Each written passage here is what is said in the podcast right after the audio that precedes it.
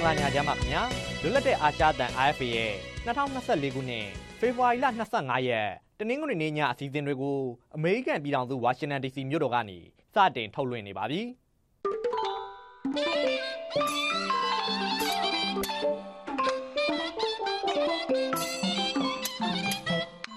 ကျွန်တော်ကကြော်ထွန်းနိုင်ပါဒီနေ့ညအစီအစဉ်မှာနောက်ဆုံးရသတင်းတွေနဲ့အတူ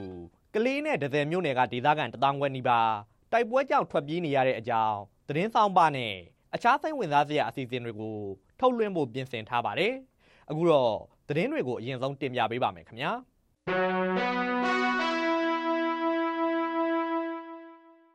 မန္တလေးတိုင်းစင်ကူးမြို့နယ်ရွာသားကျေးရွာတဲကိုဖေဖော်ဝါရီ25ရက်နေ့မနက်9:00နာရီကျော်ကလက်နက်ကြီးကြီးကြားရောက်ပောက်ကွဲပြီးကလေးငယ်2ဦးသေဆုံးကအရက်သား2ဦးထိခိုက်ဒဏ်ရာရရှိခဲ့တယ်လို့ဒေသခံတွေက RFA ကိုပြောပါတယ်။ ထုံကြီးရွာတောင်ဘက်မှာတပ်ဆွဲထားတဲ့စစ်ကောင်စီတပ်ကလက်နက်ကြီးနဲ့သုံးကြိမ်ပစ်ခတ်ခဲ့ရမှာရွာသားကြေးရွာတွေကိုကြီးတလုံးကြောက်ပောက်ကွဲခဲ့တာလို့ဒေသခံတွေကပြောပါတယ်။လက်နက်ကြီးကြီးသားထိမှန်ပြီးအသက်6နှစ်အရွယ်မိန်းကလေးတဦးနေရာမှာတင်သေဆုံးပြီးအသက်40ကျော်အရွယ်အမျိုးသမီးတဦးခြေထောက်မှာဒဏ်ရာရခဲ့တာလို့ဒေသခံတဦးကပြောပါတယ်။တိုက်ပွဲဖြစ်တာမရှိဘဲစစ်ကောင်စီတပ်ကလက်နက်ကြီးတွေနဲ့ပစ်ခတ်လို့နေအိမ်နှလုံးပျက်စီးခဲ့ပြီး တေဆုံးထိခိုက်ဒဏ်ရာရရှိသူတွေရဲ့အသေးစိတ်ချက်လက်ကိုတော့မသိရသေးဘူးလို့ပြောပါတယ်ခင်ဗျာတနင်္သာရီတိုင်းတဝယ်မြို့နယ်အရှိချမ်းမှာတိုက်ပွဲတွေဖြစ်ပွားနေပြီးဖေဖော်ဝါရီလ25ရက်နေ့အထိပခတ်တင်ငန်းတုံးလက်ကျဲပြောင်အပါအဝင်ကျေးရွာ17ရွာကအရက်သား2000ကျော်ထွက်ပြေးနေရတယ်လို့ဒေသခံတွေကပြောပါတယ်စစ်ကောင်စီတပ်နဲ့ကရင်မျိုးသားစီယုံ KNU ပူးပေါင်းတပ်တွေအကြားဖေဖော်ဝါရီလ18ရက်နေ့ကစပြီးတိုက်ပွဲတွေဖြစ်ပွားနေတာပါတိုက်ပွဲတွေနေတိုင်းဖြစ်ပွားနေတာကြောင့် ထွက်ပြေးနေရပြီးလက်ရှိအချိန်ထိဒဝယ်မြို့ပေါ်မှာပြောင်းရွှေ့ခိုလုံနေရတယ်လို့ဒေသခံတဦးကပြောပါတယ်ခင်ဗျာကချင်ပြည်နယ်မန်စီမြို့နယ်စီကန်းကြီးရွာအနီးတိုက်ပွဲဖြစ်နေလို့ထွက်ပြေးလာတဲ့စစ်ပေးဒုက္ခသည်15ဦးကိုစစ်ကောင်စီတပ်ကဖမ်းဆီးထားတယ်လို့ဒုက္ခသည်အရေးကူညီသူတွေကပြောပါတယ်စီကန်းကြီးရွာအနီးစစ်ကောင်စီတပ်စခန်းကိုကချင်လွတ်မြောက်ရေးတပ်မတော် KIA ပူးပေါင်းတပ်တွေကဖေဖော်ဝါရီလ16ရက်နေ့မှာထိုးစစ်ဆင်တိုက်ခိုက်ခဲ့ပြီးဖေဖော်ဝါရီလ19ရက်နေ့မှာတင်ယူခဲ့ပါတယ် စီကန်းကြီးရွာက မောင်ထက်ခိုင်ဝင်းမောင်သွဲတီဟာကျော်မောင်ဟိန်းလင်းအောင် မောင်စော်ငိမ့်မောင်ဆိုင်ထက်အောင်နဲ့စီကော်ရွာက မောင်အဒီကိုဘရန်ဆန်အောင် ကိုတူးကြတို့အပါအဝင်15ဦးဟာဗမော်မြို့ပေါ်ကိုထွက်ပြေးတိမ်းရှောင်ရင်းမြို့အဝင်9မိုင်ဂိတ်အရောက်မှာဖေဖော်ဝါရီလ18ရက်နေ့ကဖမ်းဆီးခံခဲ့ရတာပါဖေဖော်ဝါရီလ25ရက်နေ့အထိမိသားစုနဲ့အဆက်အသွယ်မရဘူးလို့ဒုက္ခသည်အရေးကူညီသူတို့ကပြောပါတယ်ခင်ဗျာ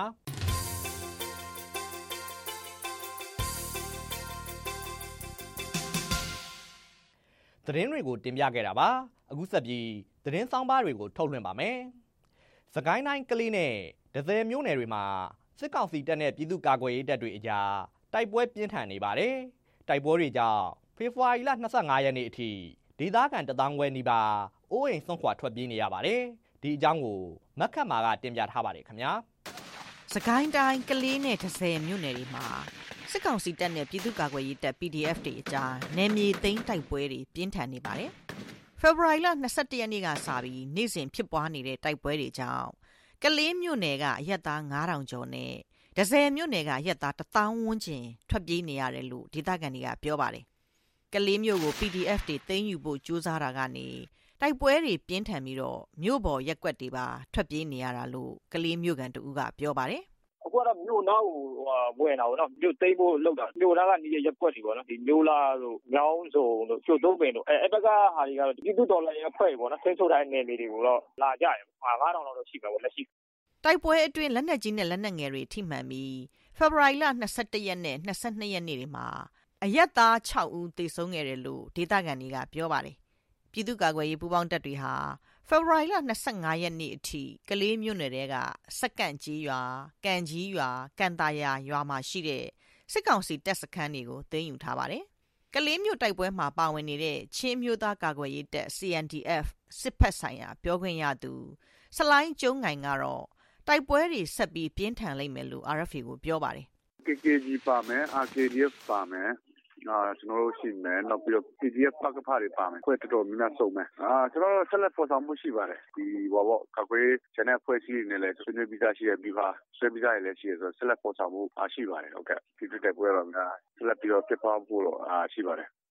ကလေးတိုက်ပွဲအတွင်းမှာ CNDF ဒုတိယစစ်ဦးစီးချုပ်နဲ့ တပ်ဖွဲ့ဝင်တချို့ သေဆုံးခဲ့တယ်လို့စစ်ကောင်စီတပ်ဖက်ကလည်း တပ်ဖွဲ့ဝင်40လောက်ကြာဆုံးခဲ့တယ်လို့ PDF တပ်ဖွဲ့ဝင်တွေက ပြောပါတယ်။ တိုက်ပွဲအတွင်းနှစ်ဖက်ထိခိုက်သေဆုံးမှုတွေနဲ့ပတ်သက်လို့စစ်ကောင်စီကသတင်းမထုတ်ပြန်သေးပါဘူး။အလားတူပဲဒဇယ်မြို့နယ်ကန်ထူးမရွာအနီးစစ်ကောင်စီရဲစခန်းကိုဖေဖော်ဝါရီလ22ရက်နေ့မှာ PDF တပ်တွေကဝင်ရောက်စီးနင်းရာကနေတိုက်ပွဲဖြစ်ပွားခဲ့ပါတယ်။အဲ့ဒီတိုက်ပွဲကြောင့်အနီးအနားကျေးရွာ20ကရက်သားတွေထွက်ပြေးနေရပါတယ်။အရက်သားအားလုံးဖေဖော်ဝါရီလ25ရက်နေ့အထိနေရက်မပြန်နိုင်သေးဘူးလို့ဒေသခံတဦးကပြောပါတယ် ထွက်ပြေးတိမ်းရှောင်နေရတဲ့ ရွာတွေကဆိုလို့ရှိရင်ဘယ်သူမှပတ်ချာခဲ့တာ14 5ရွာလောက်က လူတွေလည်း အကုန်စစ်ရှောင်ရတယ် ခုနကဘလူးစစ်ကြောင်းလာခဲ့တဲ့ လမ်းကြောင်းမှာ ရှိနေတဲ့ခုနကဝရငယ်တို့ ခရမ်းညာတို့တပြေးရင်တို့ခုနပဲကင်းကြီးတို့ အဲ့ဒီရွာတွေကလည်း အကုန်လုံးတိမ်းနေရတဲ့အတွက်ခုနဒဇယ်မြို့နယ် အနောက်ချမ်းမှာရှိနေတဲ့ခုနရွာရွာပြည်ရွာသားတွေ အကုန်တိမ်းရှောင်နေကြရတယ်ပေါ့ကွဒီနေ့ဒီဒီအခြေအနေတွေနဲ့ ပတ်သက်လို့စကိုင်းတိုင်း စစ်ကောင်စီပြောခွင့်ရသူ တိုင်းရင်းသားရေးရာဝန်ကြီး ဦးဆိုင်နိုင်နိုင်ကျော်ကို RFA ကတယ်လီဖုန်းနဲ့ဆက်သွယ်ခဲ့ပေမဲ့ဖုန်းလက်ခံမဖြေကြပါဘူး။ကုလသမဂ္ဂလူသားချင်းစာနာမှုဆိုင်ရာပေါင်းဆက်ညှိနှိုင်းရေးယုံ UNOCHA ရဲ့စာရင်းအရမြန်မာနိုင်ငံတဝမ်းပြည်တွင်းနေရက်စွန့်ခွာထွက်ပြေးနေရသူဦးရေ1.8တန်းရှိလာပါပြီရှင်။ကျမခက်မှာပါ RFA ရုံချုပ်တရှိရာ Washington DC ကတင်ပြခဲ့ပါတယ်။အာနာသိန်းစစ်ကောင်စီဟာနီးပြူဟာအရာရောမဟာဗျူဟာအရာပါအမားယွန်းတွေကိုဇက်တိုက်ကျူးလွန်နေပြီးလူလူထောက်ခံမှုကိုရယူနိုင်သွားမရှိဘူးလို့ အမေရိကန်စစ်တပ်မှနှစ်ပေါင်းများစွာတာဝန်ထမ်းဆောင်ခဲ့တဲ့ဒုဗိုလ်မှူးကြီးဟောင်းမီမီဝင်းဘက်ကဝေဖန်လိုက်ပါတယ်။တစ်ဆက်တည်းမှာပဲအာနာရှင်စနစ်ပြတ်သိမ်းရေးအပါအဝင်လှုပ်ရှားနေတဲ့အဖွဲ့အစည်းတွေကိုပြစ်တင်ဝေဖန်နေမဲ့အစားမြန်မာပြည်ဒီမိုကရေစီရရှိရေးလိုလားသူတိုင်းတက်နိုင်သမျှပူးပေါင်းပါဝင်ကူညီရမယ့်အချိန်ဖြစ်တယ်လို့သူကပြောပါတယ်။ဒေါ်မီမီဝင်းဘက်ကို RFA အဖွဲ့သားဦးခင်မောင်စိုးကဆက်သွယ်မေးမြန်းထားပါတယ်ခင်ဗျာ။ဟုတ်ကဲ့ဒေါက်တာမီမီခင်ဗျာအခု မြန်မာပြည်ရဲ့အခြေအနေကပေါ့နော်စစ်ရေးလှုပ်ရှားမှုတွေတနေ့တခြားပုံများလာနေတယ်အဲတော့တပြိုင်နက်မှာအရင်က CTM ဆိုပြည်သူ့ဘက်မပြောင်းခဲ့တဲ့လူတွေတောင်မှတော်တော်များများအခုဒီမိုကရေစီအင်အားစုဘက်ကိုပြောင်းကြတယ်စစ်ရေးလည်းပါမယ်တခြားအဖွဲ့အစည်းလှုပ်ရှားမှုတွေလည်းပါမယ်ပေါ့နော်အဲ့လိုပြောင်းလာတဲ့လူတွေကိုတချို့ကြတော့လဲအခုမှငါတို့ဘက်ကိုပြောင်းလာတယ်ဆိုတဲ့အတွေ့အမြင်မျိုးတွေရှိကြတယ်ဒေါက်တာမီမီဘယ်လိုသုံးသပ်လဲခင်ဗျဟုတ်ကဲ့ရှင် အာကျွန်မပထမဆုံးတော့ကျွန်မ disclaimer လေးပြောပြရစေကျွန်မဒီနေ့ပြောသွားတဲ့ဥစ္စာတွေအားလုံးကကျွန်မပုံကိုတယောက်အနေနဲ့ပြောတာပါဘယ်အဖွဲ့ကိုမှကိုစားပြီးပြောတာမဟုတ်ပါဘူးလို့ပြောချင်ပါတယ်ဟုတ်ကဲ့ဒီ main ကိုနဲ့ပတ်သက်ပြီးတော့ပေါ့နော်အရင်တော့ CDM မလုပ်ဖွင့်အခုမှလာပြီးတော့ join လုပ်တဲ့သူအဲ့ဒီဥစ္စာတွေကျွန်မတို့ကအများအား welcome လုပ်ထားရမယ်ဒီဥစ္စာကအရန်ရေးကြီးတယ်နောက်ပြီးတော့သူတို့ကအရင်တော့ဟိုဗာလဲ publicly ပေါ့နော်ဒီထင်းထင်းပေါ်ပေါ်ဟိုဒီဘက်ကိုမ ပံ့ပိုးပေမဲ့တော်တော်များများကျမသိတာတိတ်တိတ်လေးနဲ့သူတို့ပံ့ပိုးထားတာရှိတယ်သူတို့တတ်နိုင်သမျှသူတို့လုပ်ပြီးတာဆိုတော့အဲကြောင့်မှလို့ကျမတို့ကဒီတကားကိုပေါ့နော်ဘယ်တော့မှပိတ်လို့မရဘူးဆိုတော့ဒီတကားကိုအမြဲတမ်းဖွင့်ထားလေလေဒီဘက်ကိုပိုလာလေလေစစ်တပ်ကပူပြီးတော့ရှုံးနေလေ right ပူပပြူကြလေလေဆိုတော့အဲ့ဒီဥစ္စာကိုလုံးဝပိတ်လို့မရဘူးလို့ပိတ်ဖို့မသင့်ဘူးလို့ကျမပြောချင်ပါတယ်ဟုတ်ကဲ့ဒေါက်တာဘေဘီခင်ဗျာ အဲ့တော့ဒေါက်တာမီမီကတော့ဒီစီရေးတွေ့ကြုံအများကြီးရှိတဲ့အမျိုးသမီးဖြစ်ပါတယ်အဲ့တော့လက်ရှိမြန်မာအာဏာသိမ်းစစ်ကောင်စီရဲ့လောက်ကင်ဆောင်ရဲ့နေပုံလေးအဲသူတို့စီရေးနိုင်ငံရေးအထွေထွေပေါ့နော်နိုင်ငံတကာဆက်ဆံရေးပဲဖြစ်စီရေးပဲဖြစ်အခြေအနေအကုန်လုံးကိုခြုံငုံပြီးဘယ်လိုမြင်လဲခင်ဗျနော်သူတို့မှာအကြမ်းဖက်လုပ်ဖို့ဟို view ဟာပဲရှိတယ်တကယ်စစ်တိုက်တယ်ဆိုတာပညာနဲ့တိုက်ရတာအကြောင်းမို့ကျွန်တော်တို့ကစစ်ပညာဒီဥစ္စာအဓိကကပြည်သူလူထုရဲ့ hearts and mind နိုင်ဖို့အရန်လိုအပ်တယ်။ဒါပေမဲ့သူတို့သုံးလိုက်တာကပြည်သူလူထုကိုဘုံကျဲပြည်သူလူထုကိုမိရှုပ်ပြည်သူလူထုကိုအကြမ်းဖက်နဲ့လိုက်သက်အဲ့လိုမျိုးလုံးသမျှကာလပတ်လုံးပြည်သူလူထုရဲ့ heart and mind ကကိုယ့်ဘက်ကိုပါမှာမဟုတ်ဘူး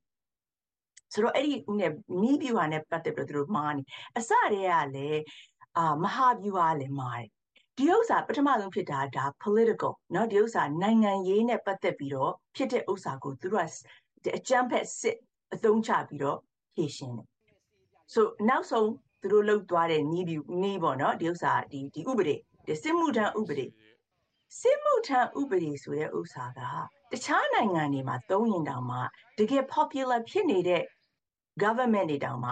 အဲ့လိုမျိုးလုပ်လိုက်လို့ရှင်သူတို့ popularity ညော့သွားတာတွေတွေ့တယ်ဆိုစစ်တပ်ကသူတို့စတွေက popularity မရှိတဲ့ဥစ္စာကိုဒီလိုမျိုးနောက်ထပ်လှုပ်လိုက်တဲ့အခါကျပြည်သူတွေကပိုတော့ပုံကန်သွားတယ် ဆိုအကြောင်းမကျွန်မစရပြောတယ်ဒီဥစ္စာပြောင်းပြန်ဖြစ်လိမ့်မယ်သူတို့ backfire ဖြစ်မယ်ဆိုအဲ့ဒီဥစ္စာအခုချိန်မှာတွေ့နေရ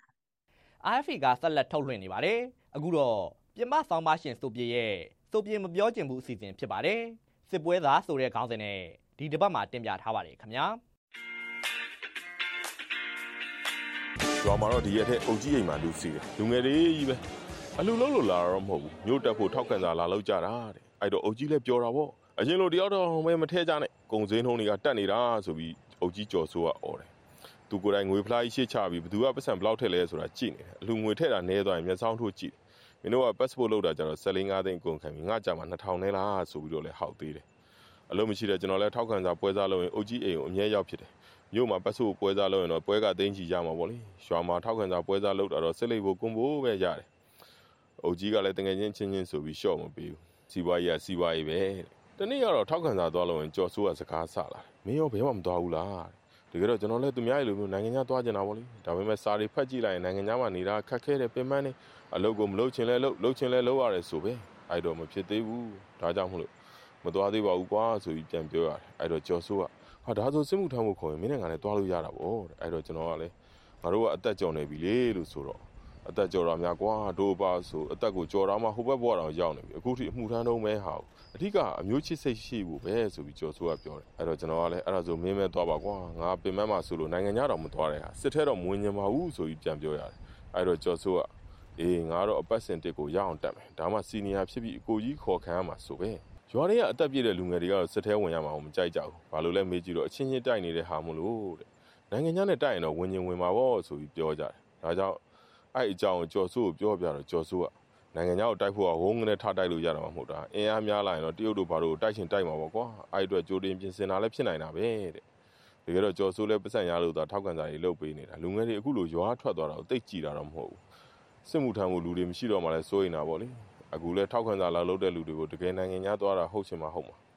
PDF တွေအတိုင်းသားလက်နက်ကင်အဖွဲ့တွေစီကိုဝင်သွားတာလည်းဖြစ်နိုင်တာပဲ ရုပ်ရှင်တွေတဲ့အဲ့လိုအဖေကစစ်သားသားတပုံဖြစ်ပြီးတိုက်ပွဲမှာရင်ဆိုင်တွေ့တာတွေတော့မှရှိလာနိုင်တယ်။နောက်တစ်ခေတ်မှာဇလန်းအစ်စ်တွေဖြစ်လာမှာပေါ့လေ။ခဏနေတော့ကြော်ဆူကစကားပြန်စ။ဘာပဲဖြစ်ဖြစ်အခုလိုအခြေအနေကိုသဘောကျတယ်ကွာ။တစ်ဖက်နဲ့တစ်ဖက်စစ်တိုက်နေတယ်အားရဖို့ကောင်းတယ်။အရင်လို6မြောင်လုံးကြံတာမဟုတ်ပဲမျက်နှာချင်းဆိုင်တိုက်တာအကောင်းဆုံးပဲဆိုပြီးပြောတယ်။အဲ့တော့ကျွန်တော်ကလည်းစစ်ကြီးပဲဖြစ်နေလို့တော့ဘယ်ဖြစ်မလဲအလုတ်ကင်နေဖြတ်တယ်ပတ်စံနေကုန်တာပေါ့ကွာဆိုပြီးပြောတော့ကြော်ဆိုးက ငါငငယ်တော့ဖုံးเจ้าမှာနေဘူးလေကွာအเจ้าမှာခွေးတွေအများကြီးပဲအဲ့တော့ခွေးအချင်းချင်းကြိုက်ရင်ငါရေနဲ့တော့တော့ပတ်တယ်ခွေးတွေရံဖြစ်တာရက်တော့အောင်လို့မရက်ပါဘူးခဏနေစက်ကြိုက်ကြတာပဲတရက်ကြတော့ခွေးကိုရေနဲ့ပတ်တယ်ငါ့ကိုဖုံးကြီးကမြင်းပြီးရိုက်ပါလိရောဘာလို့ရိုက်တာလဲဆိုတော့ခွေးတွေဘိုလူတာကိုတွားနှောက်ရှက်လို့တကယ်လဲဟုတ်တယ်ဟာလွတ်ထားလိုက်တာနှစ်ရက်လောက်တော့အချင်းချင်းပတ်ကြိုက်ကြသေးတယ်နောက်ရက်လဲကြာခွေးဖို့ဘသူလဲဆိုတာသိသွားတော့စက်မကြိုက်ကြတော့ဘူးရဲ့ဆိုပြီးကြော်ဆိုးကပြောပြကျွန်တော်တော့နားမလဲပါဘူးခွေးကြိုက်တာနဲ့စစ်တိုက်တာဘာဆိုင်လို့တော့ အဲ့ချိန်မှာပဲထောက်ခံစာလုံးမဲ့လူတွေရောက်လာပြန်ကျော်ဆိုးကလည်းထောက်ခံစာရေးနေဘာလို့ဖို့လဲဆိုပြီးပြီးတော့နိုင်ငံခြားသွားဖို့ပတ်စပို့လို့မလို့တဲ့အဲ့တော့ကျော်ဆိုးကနိုင်ငံခြားသွားလဲပြန်လာရင်စစ်ထဲဝင်ရမှာပဲနော်ဆိုပြီးပြောလိုက်သေးတယ်အဲ့လူတွေပြန်သွားတော့မှကျော်ဆိုးကစကားပြန်စားဘာလို့နိုင်ငံခြားသွားနေမလဲကွာဒီမှာလဲဒီလောက်ပြောဖို့ကောင်းနေတဲ့ဟာတစ်ဖက်ကလူတွေတင်အခြားတစ်ဖက်ကထောက်ခံသူတွေကပြောတယ်အာမကြပါဘူးအဲ့ပြောတဲ့ဘက်ကလူတွေသေးပြန်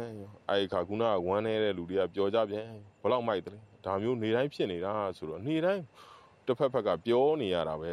ဒါမျိုးအခြားဘယ်နိုင်ငံမှာရှိမလဲဆိုပြီးပြောပြန်တယ်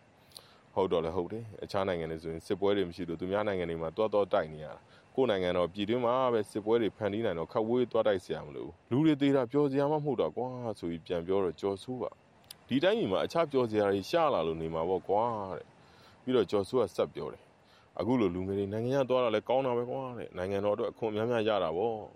ထင်တာမဟုတ်ဘူးဆိုရင်အစိုးရလူငယ်တွေအကုန်နိုင်ငံခြားထွက်ပြီးအလုပ်လုပ်အောင်လို့စစ်မှုထမ်းဥပဒေကိုထုတ်သုံးလိုက်တယ်ထင်တယ်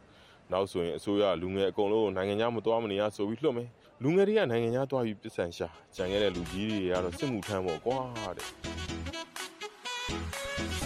ဆိုပြေမပြောချင်ဘူးအစီအစဉ်ဖြစ်ပါတယ်ပရိသတ်များခင်ဗျာဒီအစီအစဉ်မှာပါတဲ့တရားဝေဖန်ချက်တွေဟာပြင်ပဆောင်ပါရှင်ရဲ့အာဘော်သာဖြစ်ပြီး IFA ရဲ့အာဘော်မဟုတ်ကြောင်းအသိပေးလိုပါတယ်ခင်ဗျာ ဒီအစီအစဉ်နဲ့ပဲတနင်္ဂနွေနေ့ညအတန်လွှင့်ချက်တွေကိုကြနာခွင့်ပြုပါခင်ဗျာမြမပြည်သူပြည်သားများဘေးရန်နယ်တွေကင်းဝေးကြပါစေခင်ဗျာ You have been listening to Radio Free Asia.